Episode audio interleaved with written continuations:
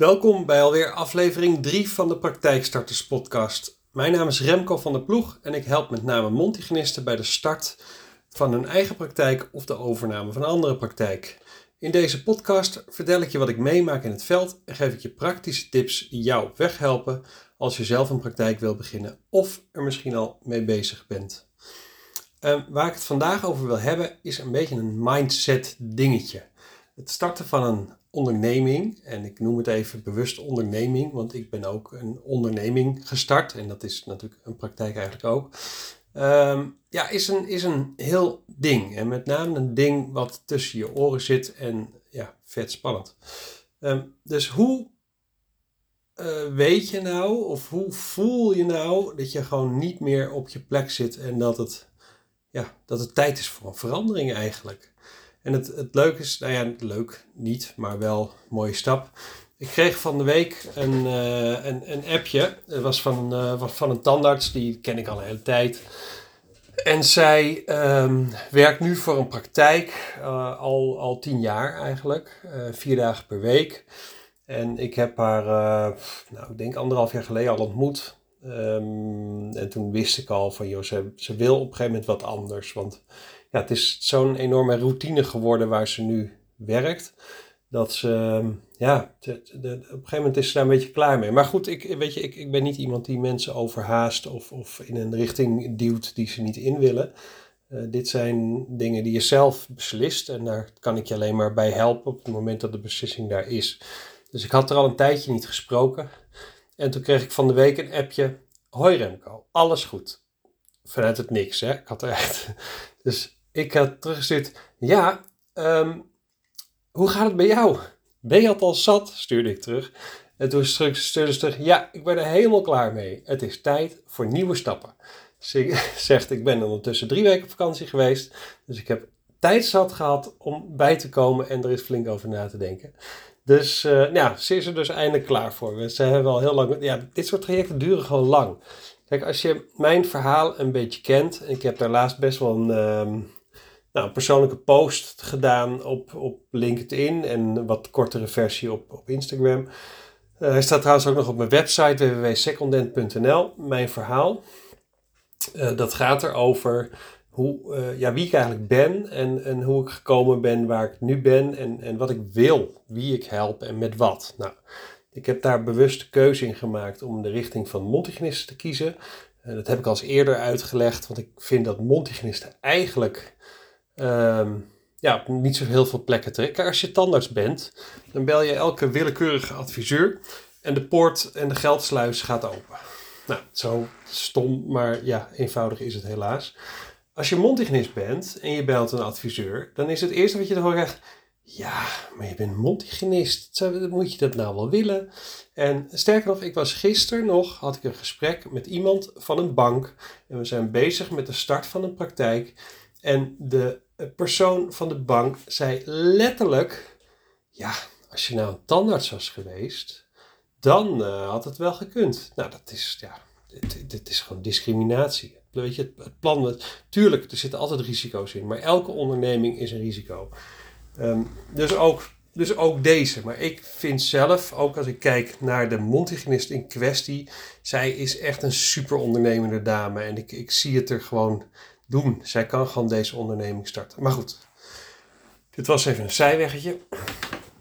Um, twee jaar geleden, 1 juli 2020, ben ik dus deze onderneming gestart. Mijn bedrijf heet Secondent, alleen weet niemand dat, want iedereen kent mij gewoon als Remco. En op, op Instagram ben ik praktijkadvies bij Remco. En op LinkedIn ben ik gewoon Remco van de ploeg. Dus Secondent, dat, ja, zo heet mijn bedrijf, maar de meeste mensen weten het niet. Um, ik werkte voor een groot dental depot al 12,5 jaar. Uh, ik heb daar echt knetterhard gewerkt en echt wel super mijn best gedaan. Uh, maar wat ik, wat ik merkte, op een gegeven moment werd het, werd het routine. En ik, ik maakte het voor mezelf wel steeds meer. Ja, probeerde in ieder geval nog plezier aan te geven. En ik had wel verschillende functies. Er, er zat wel, wel degelijk iets van variatie in. Um, maar het, weet je, het, was, het was meer. Het was steeds meer van hetzelfde en weer hetzelfde en weer hetzelfde. En dat ging me op een gegeven moment ging me dat zo tegenstaan. Naast het feit dat ik me bijna tot twee keer toe in een burn-out heb gewerkt. Uh, wat ook niet zo heel handig was. Maar goed, helaas herken je dat pas op het moment dat het, uh, dat het aan de gang is. Um, dus ja, twee jaar terug, grote beslissing. Ik stapte uh, na 43 jaar in loondienst. Nou ja, zo oud was ik toen, dus ik was niet 43. Maar goed, ik ben al vroeg begonnen met werken. Volgens mij was ik 13 of zo. dus nou, laten we 30 jaar zeggen in loondienst. Um, ja, trok ik de wijde wereld in en nam ik ontslag. En startte ik mijn eigen onderneming. Nou, ik kan je vertellen, daar was ik, daar, was ik toen wel klaar voor. Maar het heeft me echt super. Ik, ik liep al vier met het idee. Dus het heeft super lang geduurd voordat ik überhaupt die beslissing nam. Nou, ik heb het in de afgelopen twee jaar heb ik het in mijn eentje uh, gerooid. En misschien wel moeten rooien. Dan ben ik ook niet iemand die heel snel hulp accepteert. Maar als ik achteraf kijk hoe ik uh, soms aan het spartelen ben geweest. In het begin met tarieven. Hè? Want uh, ja, kijk, kijk, jullie voordeel is in ieder geval nog dat je vastgetelde tarieven hebt. Dus als je X doet, dan kost dat Y. Nou, dat is gewoon heel eenvoudig. Nou, ik lever natuurlijk diensten, althans, de, mijn, mijn, mijn core business is het leveren van praktische dingen, zoals uh, ondernemersplannen en ik regel financieringen en ik ga met je mee naar een leverancier en dat soort dingen. Maar ik ben er wel achter gekomen, met name in de laatste uh, paar maanden, dat de mentale, uh, hetgeen wat ik mentaal voor mensen doe, eigenlijk nog wel veel belangrijker is dan het, praktische ding. Want ik ben een soort ja, mentor, gids, therapeut, maakt niet uit hoe je het wil noemen. Maar de mondhygiënist die ik spreek, noem we even bewust mondhygiënisten, omdat nou ja, op dit moment is al 80% van de mensen die ik help is mondhygiënist. En een paar tandarts die waren al binnen, dus die mogen uiteraard blijven. Um, die hebben besloten, ik ga een praktijk beginnen. Nou, een enkeling, echt een enkeling doet dat uit, uh, uit loondienst. Dat is het dubbel spannend, want dan moet je en je baan opzeggen en je wordt direct ondernemer. Um, en de meeste die doen dat vanuit een ZZP-constructie. Dat, is, dat voelt nog steeds even spannend, maar het is minder spannend. Want meestal als ZZP'er, ja, je bent natuurlijk al een soort ondernemer. Meestal werkt iemand dan bij ongeveer twee praktijken. Dus je voordeel is in ieder geval dat als je een praktijk start, dan ga je waarschijnlijk twee dagen stoppen bij één praktijk. En dan blijf je die andere twee dagen blijf je bij die andere praktijk nog eventjes werken zodat je nog een, uh, een tweede inkomstenbron hebt op het moment dat je uh, praktijk aan het opbouwen is. Dus aan de ene kant bouw je je praktijk op met patiënten en omzet. En aan de andere kant bouw je ZZP-werkzaamheden af. Nou, dat, dat, nou, uiteindelijk wordt praktijkomzet veel meer dan uiteindelijk je een ZZP hebt, uh, um, altijd al hebt gehad, zeg maar. Maar ja, dat, maar dat voelt echt vet eng. Want het voelt alsof je gewoon zonder roeispanen je bootje afduwt en, en, en succes ermee. Nou, dat is niet zo ernstig, maar het is wel natuurlijk een angst die je met name jezelf aanpraat. En ik kan er over meepraten, want ik had die angst ook. En ik had die angst echt al vier jaar. Want ik had echt, ik had al een ondernemersplan voor mezelf. Ik had alles al klaar liggen. Ik had helemaal bedacht wat ik ging doen. Het grappige is dat ik, dat ik uiteindelijk niet helemaal ben gaan doen. Want ik, want ik ik had, dacht eerst van, joh, ik ga, ik ga en praktijkmanagement doen. En ik ga dat doen. En ik ga ondernemersplannen schrijven. En ik ga financieringen regelen. Oh ja, ik doe ook nog wel de, de vergelijking van, van kleingoed erbij, weet ik veel. Nou, joh, kleingoed, dus, dus instrumenten, disposables, daar heb, ik, daar heb ik geen affiniteit mee. Dus dat is niet zozeer mijn ding. Ik ben eigenlijk gewoon een cijfernerd. Dus ik kan inderdaad wel met een Excel A en B met elkaar vergelijken. Dus daar kan ik in ieder geval op prijsniveau een advies over doen. Um, maar goed, twee jaar verder, vallen en opstaan, proberen, uh, weer vallen, weer opstaan, weer proberen, weer vallen, weer opstaan. En gaandeweg kom je er steeds beter achter wat je nou exact wil. Um, dus ik heb praktijkmanagement heb ik afgezworen. Ik doe geen kleingoed sowieso. Ik doe natuurlijk wel advies met betrekking tot apparatuur, want ja, daar weet ik dan veel van af. Uh, financiering doe ik ook, maar ik doe eigenlijk zeg ik van joh, ik, het enige wat ik nu doe ik help mondhygiënisten bij het starten van een praktijk of het overnemen van een praktijk. Nou, dat is het in basis. En dat kan van A tot Z, daar zit heel veel bij. Um, En ik kan je wel vertellen, als je eenmaal de sprong hebt genomen en uh, dus van je koudwatervrees af bent, dan is het wel echt super gaaf. Om even terug te komen bij die tandarts, die dus van de week uh, mij appte van joh, ik ben er nu echt helemaal klaar mee. Um, die stuurde mij letterlijk van joh, ik, ik werk 32 uur bij deze praktijk en ik ben echt alleen maar aan het behandelen. En ik ben gewoon bang dat als ik zo doorga tot aan mijn pensioen, en je mag van mij aannemen, zij moet nog heel lang tot aan de pensioen, ehm, dan, dan begin ik misschien tandheelkunde gewoon beu te worden, terwijl dat juist altijd mijn passie is geweest. Maar omdat het alleen maar uh, rammen is, eigenlijk in de praktijk waar zij nu werkt, zegt ze: Ja, ik ben gewoon bang dat ik, dat ik het plezier daarin verlies. Nou, en plezier, of geluk, net hoe je het wil noemen, dat is eigenlijk waar het allemaal om draait. Kijk, ik ben een beetje een, rare snuiter daarin. Ik ben nooit, uh, ik heb nooit geld nagejaagd. Dus ik, ik ben niet bezig geweest met een, met een carrièrepad. Ik dacht niet van, oh ja, ik kom onderaan de ladder binnen en ik moet bovenaan de ladder eindigen. Ik, mijn drijfveer is altijd werkplezier geweest.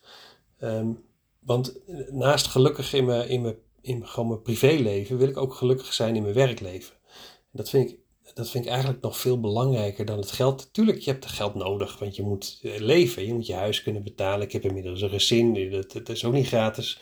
Dat hoort er allemaal bij. We gaan op vakantie, dat moet ook betaald. Dus ja, geld hoort erbij. Maar geld is voor mij nooit een drijfveer geweest om te zeggen van nou, ik ga daar wel of niet werken. Als, als je ergens binnenkomt en je krijgt bakken met geld, maar de cultuur van een bedrijf is belabberd, dan uh, weet ik zeker dat je na een jaar zegt van joh, leuk die bakken met geld.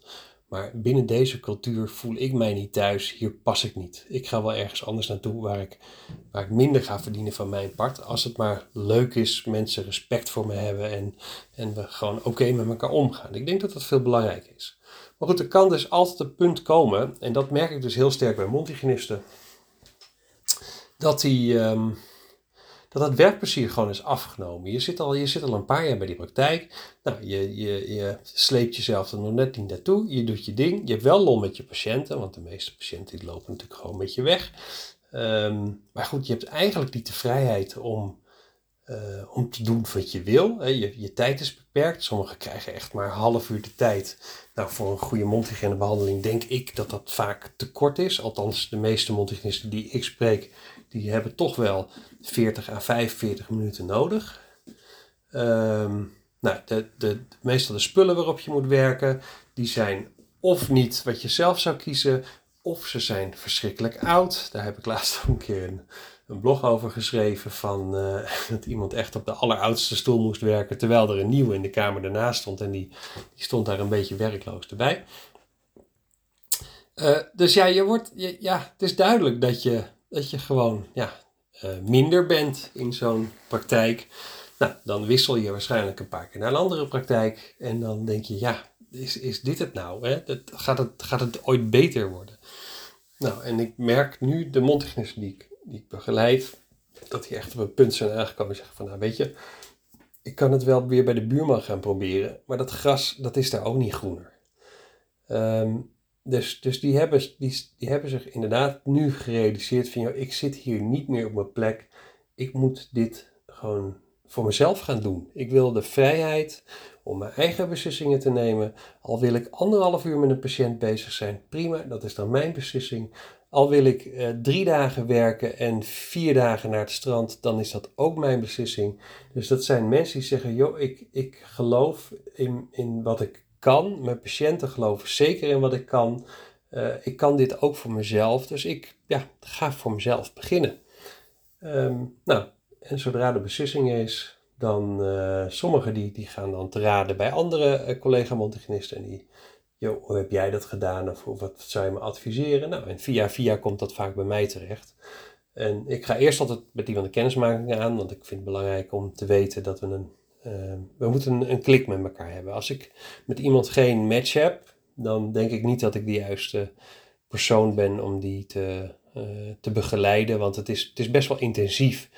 Mijn begeleiding is, is inderdaad meer dan praktisch. Ik, ik word ook s'avonds om negen uur nog gebeld van joh, doen we er nou wel goed aan? Waar ben ik aan begonnen? Moet ik er niet mee stoppen? En eh, dus er komen, het mentale stuk is zo pittig dat je, ja, er zullen meerdere momenten zijn dat je denkt van, hoezo wilde ik dit ook alweer? Nou, prima, dan bel je mij en dan hebben we het erover en dan sparren we en dan lachen we en dan gaan we gewoon weer verder. En we gaan net zo lang verder, want we zijn een team, um, tot die praktijk gewoon staat. En als de praktijk staat, dan zijn we er nog niet. Nou, althans, we zijn wel klaar en jij kan gewoon je praktijk gaan bouwen. Maar ik ben zo'n gast die nogal begaan is met mensen die die spreekt. Dus je komt niet zo makkelijk van mij af. Ik ga namelijk daarna, zeker als ik een keer bij je in de buurt ben, heb ik altijd even, joh, kan ik bij je langskomen, drinken we een bakje koffie, kunnen we weer even sparren over dingen. Dus ik, ik streef, dat roep ik altijd, en dat is, dat is geen grapje, daarom vind ik die match zo belangrijk. Ik streef naar een levenslange relatie met mijn klant. En levenslang betekent in dit geval uh, totdat een van ons tweeën uh, overlijdt. Nou, dat dus. Nou, ik hoop dat we dat sowieso nooit gaan meemaken. Uh, maar ik vind het wel super belangrijk dat, dat we die match hebben en dat we dat contact houden. Want ik wil ook op het moment dat de praktijk gestart is, weten hoe het met jou is en hoe het met je praktijk is. En dat, want dat gaat me, nou, dat gaat me echt aan het hart. Ik wil, ik wil, ik wil heel graag bijdragen aan jouw succes, maar ik weet, wil ook zeker weten dat we dat succes uh, achteraf, dat dat je toekomt. En als je daar nog hulp bij nodig hebt, ja, dan ben ik er weer. Nou, dat was hem. Uh, ik wilde het gewoon even hebben over werkgeluk, werkplezier en, en uh, of je wel of niet op, op, op je plek zit. Maar denk daar eens over na. Is dit, is dit nou alles? Is dit wat je wil? Wil je dit tot aan je pensioen doen? Of denk je van, nou, weet je, Anderen kunnen het ook. Waarom zou ik het niet doen? Nou, als je dat gevoel hebt, dan moet je gewoon eens contact met me opnemen. Dan gaan we het erover hebben. Dan ga ik kijken hoe serieus je uh, hierin bent. Het kan best zijn dat je het gewoon wel een droom hebt, maar dat het gewoon over drie jaar pas het moment is dat je er klaar voor bent. Ook goed. Maar dan hebben we in ieder geval een leuk gesprek gehad en dan, uh, dan weten we van mekaars bestaan. Nou, dat was wat ik vandaag uh, jullie wilde meegeven. Ik hoop dat het weer zinvol is geweest. Uh, volgende week ga ik het denk ik hebben over het vinden van een locatie. Want dat is wel een dingetje. Um, vind je het leuk om mij te volgen? Uh, doe dan delen, liken, volgen in, in Spotify, Apple Podcast of gewoon op, de, op, de, op mijn website bij, bij Springcast. En uh, wil je feedback geven? Uh, is er een onderwerp wat, echt, wat je heel graag behandeld zou willen zien? Stuur me dan even een appje. Remco.secondent.nl Remco met een K trouwens. En dat was hem voor, voor deze week. En tot volgende week. Doei!